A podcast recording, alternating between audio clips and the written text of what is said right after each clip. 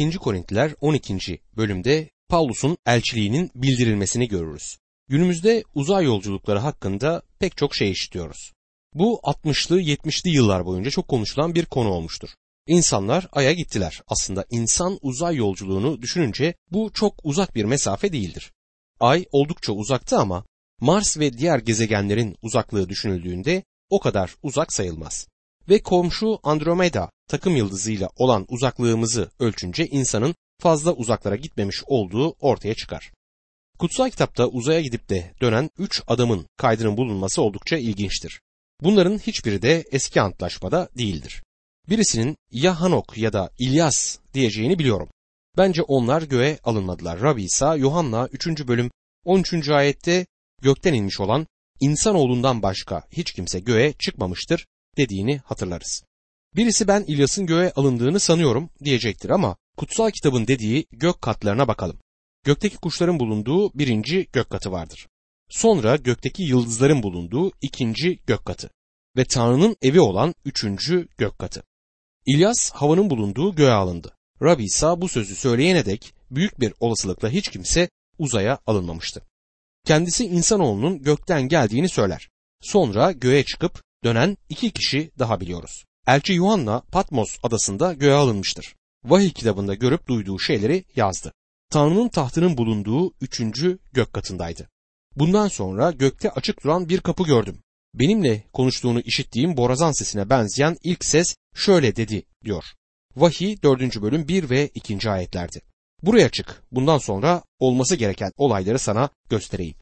O anda ruhun etkisinde kalarak gökte bir taht ve tahta oturan birini gördüm diyor. Elçi Paulus da göğe alınan birisiydi. Bunun kaydı da önümüzdeki bölümde bulunmaktadır. Bu yüzden bu üç adam da cennetten rapor getirebilmişlerdi. Bedende gösterilen Tanrı olan Rab İsa cennet hakkında herkesten çok şey söylemiştir. Buna karşın söyledikleri gerçekten de yine de bizim için azdır. Yuhanna da cennet hakkında fazla bir şey söylemez. Paulus da bu konuda çok az şey iletir. Paulus burada elçiliğini savunmak zorunda olmasa söylemeyeceği bir şeyi söyler. Göğe yolculuğunu anlatır. Şimdi Paulus'un deneyimine bakalım. 2. Korintiler 12. bölüm 1. ayette yararlı olmasa da övünmek gereklidir. Şimdi görümlere ve Rabbin vahiylerine geleyim diyor. Elçi Paulus Mesih'in uğruna çektiklerini anlatmayı daha yeni bitirmiştir. Bunda fazla bir yücelik göremiyoruz. Bence Tanrı'nın ruhu bütün deneyimlerini yazdırtmıştı ki kimse ben Elçi Paulus'tan daha çok şeye katlandım diyemesin. Aslında söylediğimiz ilahiler hakkında çok dikkatli olmalıyız. Örneğin aklıma bir tanesi geliyor. Bu ilahinin sözleri şöyle. İsa çarmıhı yüklendim, her şeyi bıraktım ve seni izliyorum. Çıplak, fakir, hor görülen ve terk edilmiş biriyim. Bundan sonra her şeyim sen olacaksın diyor bu ilahinin sözlerinde. Güya Rab'be gelmiş bir Hollywood yıldızının bunu söylediğini duydum. Bu kişinin fazla bir şeyden fedakarlık etmiş olduğunu sanmıyorum. Çoğumuzun bu ilahiyi söylemesi ne yazık ki iki yüzlüktür. Hepimiz şunun gibi bir ilahi söylesek çok daha iyi olur. Bu ilahinin sözlerini size aktarayım şöyledir. İşte kurtarıcım kanını akıttı ve Rabbim öldü. O kutsal canını benim gibi bir solucan için mi verdi? Yüceltilmesi gereken Rab İsa'dır günümüzde insanların iman etmeleri hakkında verdikleri tanıklıkları duyuyoruz. Genelde hayret verici öyküleri var. Sıradan iman edişleri pek duymayız. Ben bir tanıklıkta Rab İsa'nın ne kadar yer tuttuğuna bakıyorum. Çoğu kez öykü kişinin onun neler yaptığının, nasıl günah içinde yaşadığının ve ne kadar hayret verici bir şekilde değiştiğinin etrafında dolanır. Ve Rab İsa hakkında fazla bir şey söylenmez. Bazen insan Rab İsa'ya gerçekten ihtiyaç olup olmadığını merak eder. İşittiğim tanıklıkların çoğunda o çok az övülür ve çok az yücelik İsa Mesih'e verilir. Geçenlerde dinsel sistemden Mesih'e döndüm diye bir adamdan bir mektup aldım. Bundan sonra İsa hayatının merkezi ve ilgilendiği tek şey olmuş. İsa Mesih'in bilgisinde ilerlemek istiyor. İşte önemli olan budur. Elçi Pavlus Mesih'in uğruna ne kadar acı çektiğini anlattıktan sonra şimdi Rab'den gelen görümler ve vahiylere gelecektir. Rabbin Pavlus'a Şam yolunda göründüğünü zaten biliyoruz. Dikkatinizi Pavlus'un bu kişisel görünüşler konusunda çok az şey söylediğine yöneltmek isterim. Şimdi bu olaylardan bir tanesini daha görmekteyiz. 2. Korintliler 12. bölüm 2. ayette 14 yıl önce alınıp 3. göğe götürülmüş bir Mesih izleyicisi tanıyorum. Bu bedensel olarak mı yoksa beden dışında mı oldu bilmiyorum. Tanrı bilir diyor. Gökte uçan kuşlardan söz eden Rab İsa'ydı. Kuşlar fazla yükselmezler. Bu tabaka geçildiğinde göğün yıldızlarının bulunduğu tabaka vardır. Burası hala Tanrı'nın tahtının bulunduğu üçüncü gök gibi değildir. Rus kozmonotlarının Ay'a gittiklerinde Tanrı'yı görmediklerini söylemeleri gülünçtü. Aslında hiç de uzağa gitmemişlerdi. Tanrı'nın tahtını bulmak için üçüncü göğe gitmeleri gerekir. Elçi Paulus üçüncü göğe alınışını anlatmaktadır. Bize bunun ne zaman olduğunu da söyler. Bu mektubu yazmadan 14 yıl önce olduğunu aktarmaktadır. Bu hemen hemen ilk hizmet yolculuğunu yaptığı zamana rastlamaktadır. Bizlere ilk yolculuğunda Lisra'da yaşadıklarını Elçilerin İşleri 14. bölüm 19 ve 20. ayetlerde anlatır. Şöyle yazar. Ne var ki Antakya ve Konya'dan gelen bazı Yahudiler halkı kendi taraflarına çekerek Pavlus'u taşladılar. Onu ölmüş sanarak kentin dışına sürüklediler. Ama öğrenciler çevresinde toplanınca Pavlus ayağa kalkıp kente döndü. Ertesi gün Barnaba ile birlikte Derbe'ye gitti diyor. Ölmüş müydü? Öldüğünden emin olmasalardı onu orada bırakacaklarını sanmıyorum. Ben şahsen Tanrı'nın onu ölümden dirilttiğini düşünenlerdenim. Elçi Paulus bunun bir görün mü olduğunu yoksa gerçekten oraya gitmiş mi olduğundan emin değildi. Burada kendi yaşadığı bir şeyi anlatmakta olduğu açıktır. 2. Korintliler 12. bölüm 3 ve 4. ayetlerde ise evet bu adamın cennete götürüldüğünü biliyorum. Bu bedensel olarak mı yoksa bedenden ayrı mı oldu bilmiyorum. Tanrı bilir. Orada dille anlatılamaz, insanın söylemesi yasak olan sözler işitti diyor. Gerçekten de ölüp cennete mi alınmıştı yoksa bilincini kaybetmiş ve bir görün mü görmüştü? Elçi Paulus bu konuda dogmatik değil ve bizler de dogmatik olmamalıyız. Söylediğim gibi ben onun ölmüş olduğuna ve Tanrı'nın onu ölümden dirilttiğine inanıyorum. Ama her ne olduysa sonuç aynıydı. Üçüncü göğü görmüştü. Çoğu kişi böyle bir şey yaşadıktan sonra ciltler dolusu kitap yazardı ve bu konuda bir dizi konuşmayı da yapardı. Ama Paulus sadece bu kadarını söyler. Raporu budur. Çok şey söylemekle birlikte aslında çok az şeyi iletir. Tanım yoktur. Reklamlar, promosyonlar yok. Satış konuşması yok. Gösteri yok, ayrıntılar yok. İnsanları kahraman yerine koyup onlara tapınmak bu söylemde yoktur. 2. Korintliler 12. bölüm 5 ve 6. ayetlerde ise böyle biriyle övüneceğim ama kendimle ilgili olarak güçsüzlüklerimden başka bir şeyle övünmeyeceğim. Övünmek istesem bile akılsız olmayacağım. Çünkü gerçeği söylemiş olacağım. Ama kimse beni gördüğünden ya da işittiğinden daha üstün görmesin diye övünmekten kaçınıyorum diyor. Burada kendisini yüceltmeyi görmeyiz. Üçüncü göğe alınan ve söylemesi yasak olan, sözler işitmiş olan bu adam küfeyle surlardan sarkıtılan adamın ta kendisiydi. Şimdi Elçi Paulus'un bedenindeki dikene bakalım. 2. Korintliler 12. bölüm 7. ayette aldığım vahiylerin üstünlüğüyle gururlanmayayım diye bana bedende bir diken, beni yumruklamak için şeytanın bir meleği verildi. Gururlanmayayım diye diyor. Elçi Paulus zayıflıklarıyla övüneceğini söyler ama üçüncü gökten söz etmez. Peki neden? Çünkü kendisine bu konuda konuşmaması söylenmiştir. Bence şeytan birçok defa Tanrı'nın tanıklarını ortadan kaldırmaya çalıştı. Onlardan kurtulmayı ister. Hastalığı, bedendeki dikenleri kullanır. Elçi Paulus'un bedenindeki dikeni neydi? Size bir sır vereyim. Kimseye söylemeyeceğinizi umduğum gizli bir belge. Bilmiyorum. Paulus'un üçüncü gökte ne görüp işittiğini de bilmiyorum. Bedendeki dikenini de bilmiyorum. Bilmiyorum çünkü bize söylememiştir. İhtiyar bir İskoçyalı yorumcu Paulus'un bedendeki dikeninin karısı olduğunu söyledi. Bence bu ihtiyar İskoçyalı'nın aile sorunları vardı ve hatalı olduğunu düşünüyorum. Bence Paulus evlenmişti ama artık duldu. Kadınlık hakkında sevgi dolu bir şekilde yazdı ve bence bir zamanlar harika bir karısı bulunuyordu. Yeniden evlenmek istememişti çünkü hiçbir kadının kendisinin yaşadığı sıkıntılara paydaş olmasını da istemedi. Tanrı'nın Pavlus'un ağzına bir kilit takıp onu susturmuş olması ilginçtir. Bizlere bunlardan hiç söz etmez. Birisi bir köpeğin eğer çok dostu varsa dili yerine kuyruğunu sallamasından olduğunu söylemişti. Bence çoğumuz eğer üçüncü göğe alınsaydık dilimizi epey sallardık. Peki Tanrı Pavlus'a neden bedende bir diken vermiştir? Bu onu alçak gönüllü kılmak içindi. Böylesi bir görüm gördükten sonra onu kendisini fazlasıyla yüceltmekten alıkoymak için bedende verilmiş bir dikendi. 2. Korintiler 12. bölüm 8 ve 9. ayetlerde bundan kurtulmak için Rabbe üç kez yalvardım. Ama o bana lütfum sana yeter çünkü gücüm güçsüzlükte tamamlanır dedi.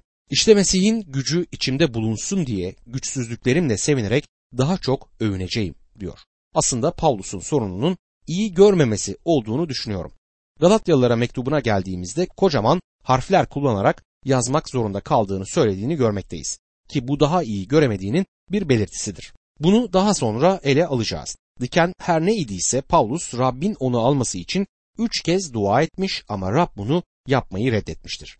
Rab onu dua ettiği her seferinde işitmiştir. Sorun Rabbin onun dualarını işitmediği değil, Rabbin yanıtının hayır olmasıydı.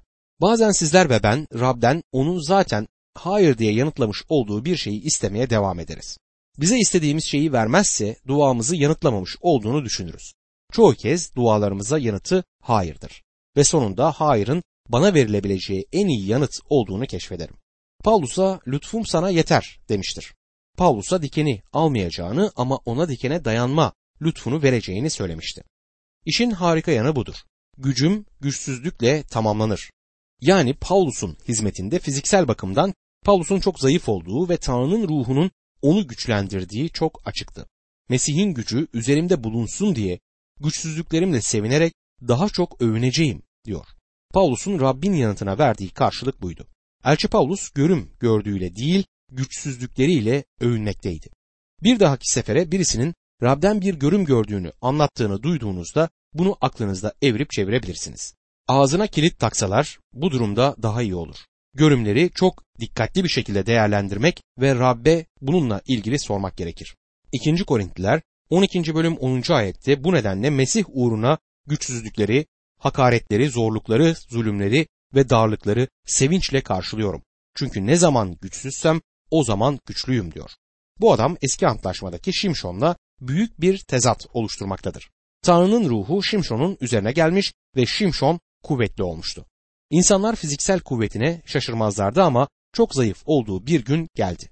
Kuvvetliler zayıf, zayıflar ise kuvvetli yapılmaktalar. Tanrı zayıf kişileri kullanabilir. 2. Korintliler 12. bölüm 11. ayette akılsız biri gibi davrandım. Ama beni buna siz zorladınız. Aslında beni siz tavsiye etmeliydiniz.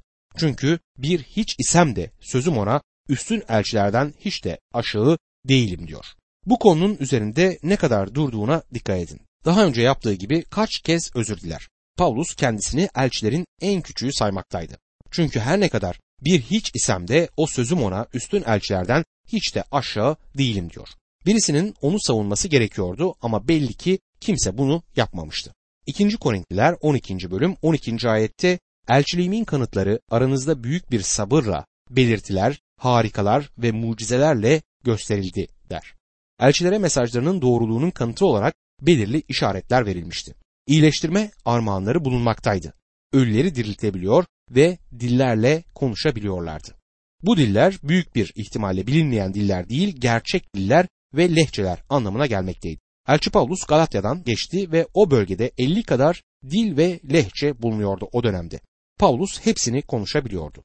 Bunların hepsini öğrenmiş miydi? Hayır. O ilk günlerde Tanrı sözünü Roma İmparatorluğuna hemen yaymak gerekiyordu ve bu yüzden elçiler bu armağanlarla donatılmışlardı.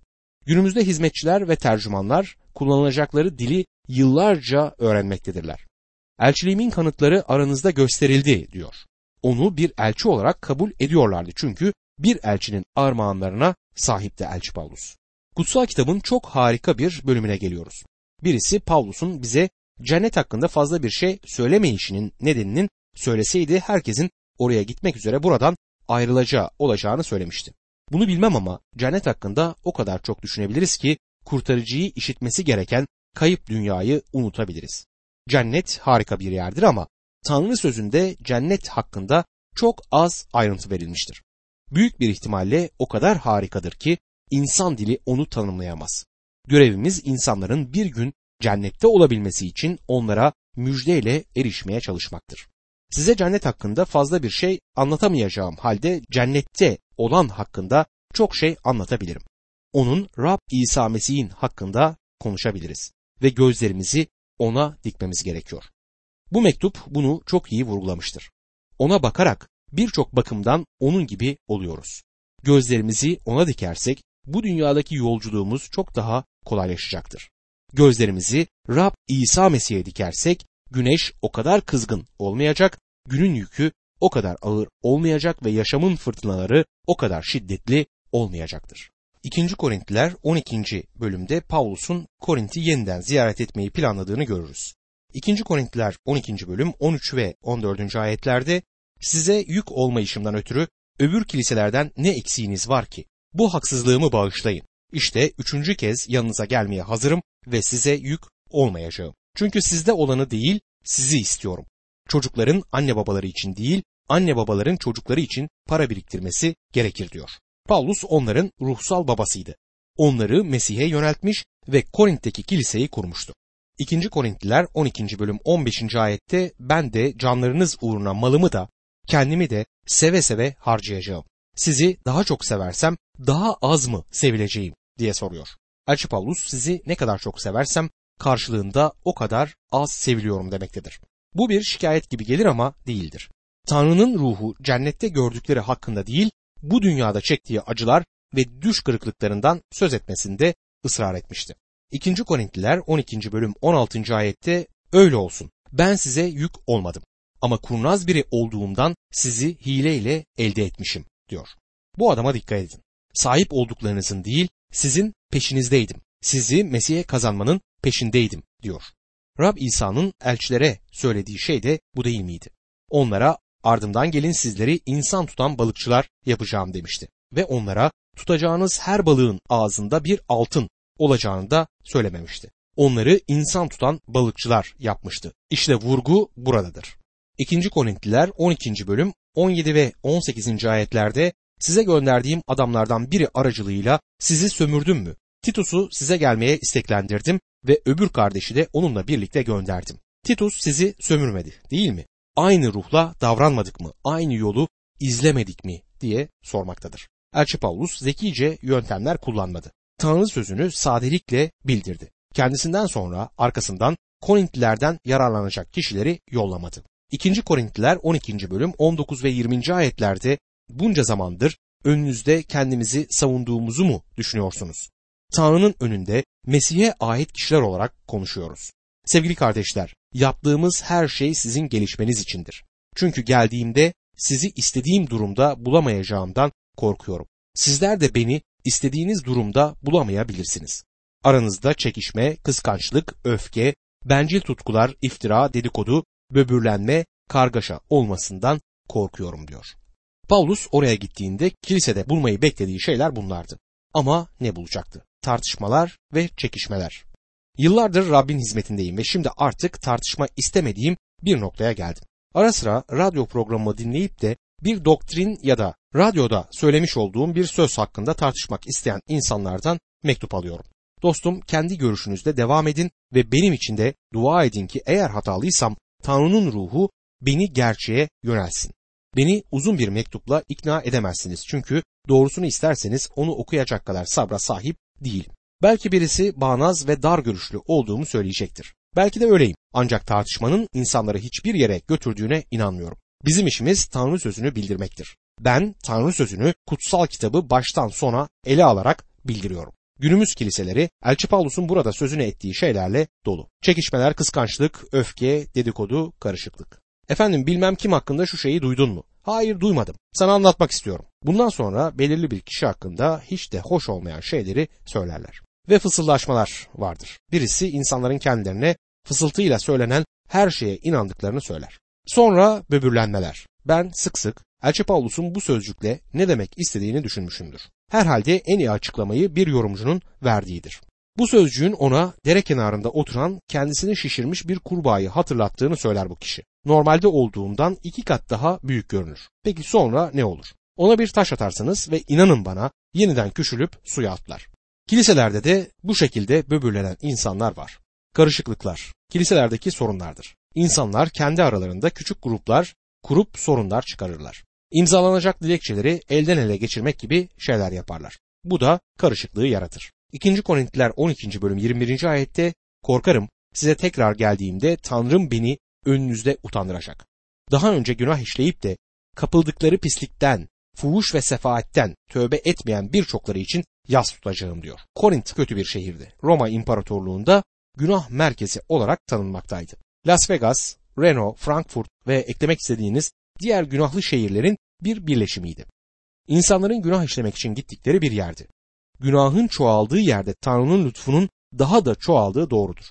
Buna karşın bu Korint halkının bu günahlı şeyleri hafife almalarına neden olmuştu. Bu güzel bir kiliseyi resmetmez değil mi? Bu mektubu işlerken Korint'teki yerel kilise iyi bir kilise değildi diye düşündüğünüzden eminim. Bu doğrudur. Sadece Korint'teki kilise için geçerli değil, aynı zamanda günümüzdeki birçok kilise için de durum böyledir. Durup buna bir an bakalım. Rabbin kiliseyi dünyadan şu anda aldığını düşünelim. Rab dünyadaki bütün gerçek inanları cennete alsa ne olurdu? O zaman büyük sıkıntı zamanının başlayacağına inanıyoruz. Büyük sıkıntıya katkının bir kısmı da kilisenin artık olmamasıdır. Günümüzde kilise dünyanın tuzudur, dünyanın ışığıdır ve kutsal ruh günümüzde kilisede bulunmaktadır. Dünya daha iyiye mi gidiyor, daha kötüye mi gidiyor? Bazı insanlar kilisenin dünyaya bir faydası olmadığını çünkü dünyanın 2000 yıl önce olduğundan çok daha kötü olduğunu söyler. Ben buna katılmıyorum. 2. Timoteus 3. bölüm 13. ayette ama kötüler ve sahtekarlar aldatarak ve aldanarak gittikçe daha beter olacaklar dediğini biliyorum. Ama dünyanın kötüye gittiğini söylemiyor. Kötü kişilerin gittikçe daha beter olacaklarını söylüyor.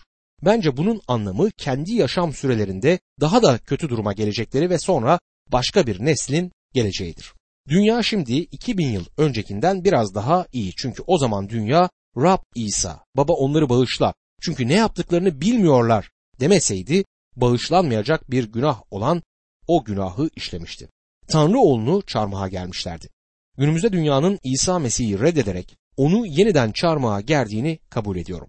Dünyadaki en büyük günah Mesih'i reddetmektir. Her nesilde dünya bu günahtan suçlu bulunmuştur. Rabbi İsa kutsal ruh geldiğinde dünyayı günah konusunda ikna edeceğini Yuhanna 16. bölüm 9. ayette günah konusunda çünkü bana iman etmezler diyerek açıklamaktadır. Birçok günah vardır ki gerçekten kötüdür. Ama en kötü günah İsa Mesih'i reddetmektir. Bu dünyada işlenen en büyük suç Tanrı oğlunun 2000 yıl önce öldürülmesiydi. Günümüzde dünya tıpkı o zaman olduğu gibi hala aynı şekilde bozuk, adi, alçak ve kötüdür. Dünyanın yaşamak için 2000 yıl öncesinden daha iyi bir yer olduğunu söyleyebilirim. Daha rahat yaşayabiliyoruz. 2000 yıl öncesine kıyasla hayatı daha kolaylaştırıp daha iyi kılan birçok şey var. Ancak şunu anlamamız gerekiyor ki İsrail'in amacı çöle çiçekler ekmek olmadığı gibi kilisenin amacı hiçbir zaman dünyaya çiçekler ekmek değildir. Onlar oradan geçen yabancılardı ve bir mesajları, bir tanıkları vardı. Bu çağlar boyunca da kilisenin amacı olmuştur. Kilise Tanrı için kutsal olması, Tanrı için yaşaması gereken bir grup insandır. Kiliseye işaret edip bunu yapmakta olduğunu ve ne kadar harika olduğunu söyleyebilmeyi isterdim. Bu alandaki başarısızlıkları günümüzde Tanrı sözüne olan ilginin çoğu durumda yerel kiliseyi bertaraf etmesinin nedenidir. Kilise içsel sorunlarıyla fazlasıyla meşguldür. Buna karşın bu kilisenin Rab İsa Mesih tarafından sevilen o grup olduğu gerçeğini yok etmez. Onu yıkayıp temizlemek ve her inanlıyı Tanrı için kabul edilir hale getirmek için kendini verdi. Bizler olmamız gerekenden çok uzak olduğumuz halde o yöne doğru ilerliyor olmalıyız. Elçi Paulus'un Korintlere mektuplarında Roma İmparatorluğu'nun en kötü şehrindeki bir kiliseyi ve onun ne kadar kötü olduğunu görüyoruz. Kilisenin etrafındaki dünyayı hiçbir şekilde etkilemediğini duymaktan hoşlanmıyorum. Çok az etkisi varmış gibi görünebilir ancak şimdi olduğu gibi o zaman da Tanrı yolundaki o insanlar dünyadan alınsaydı dünya çok daha kötü olacaktı.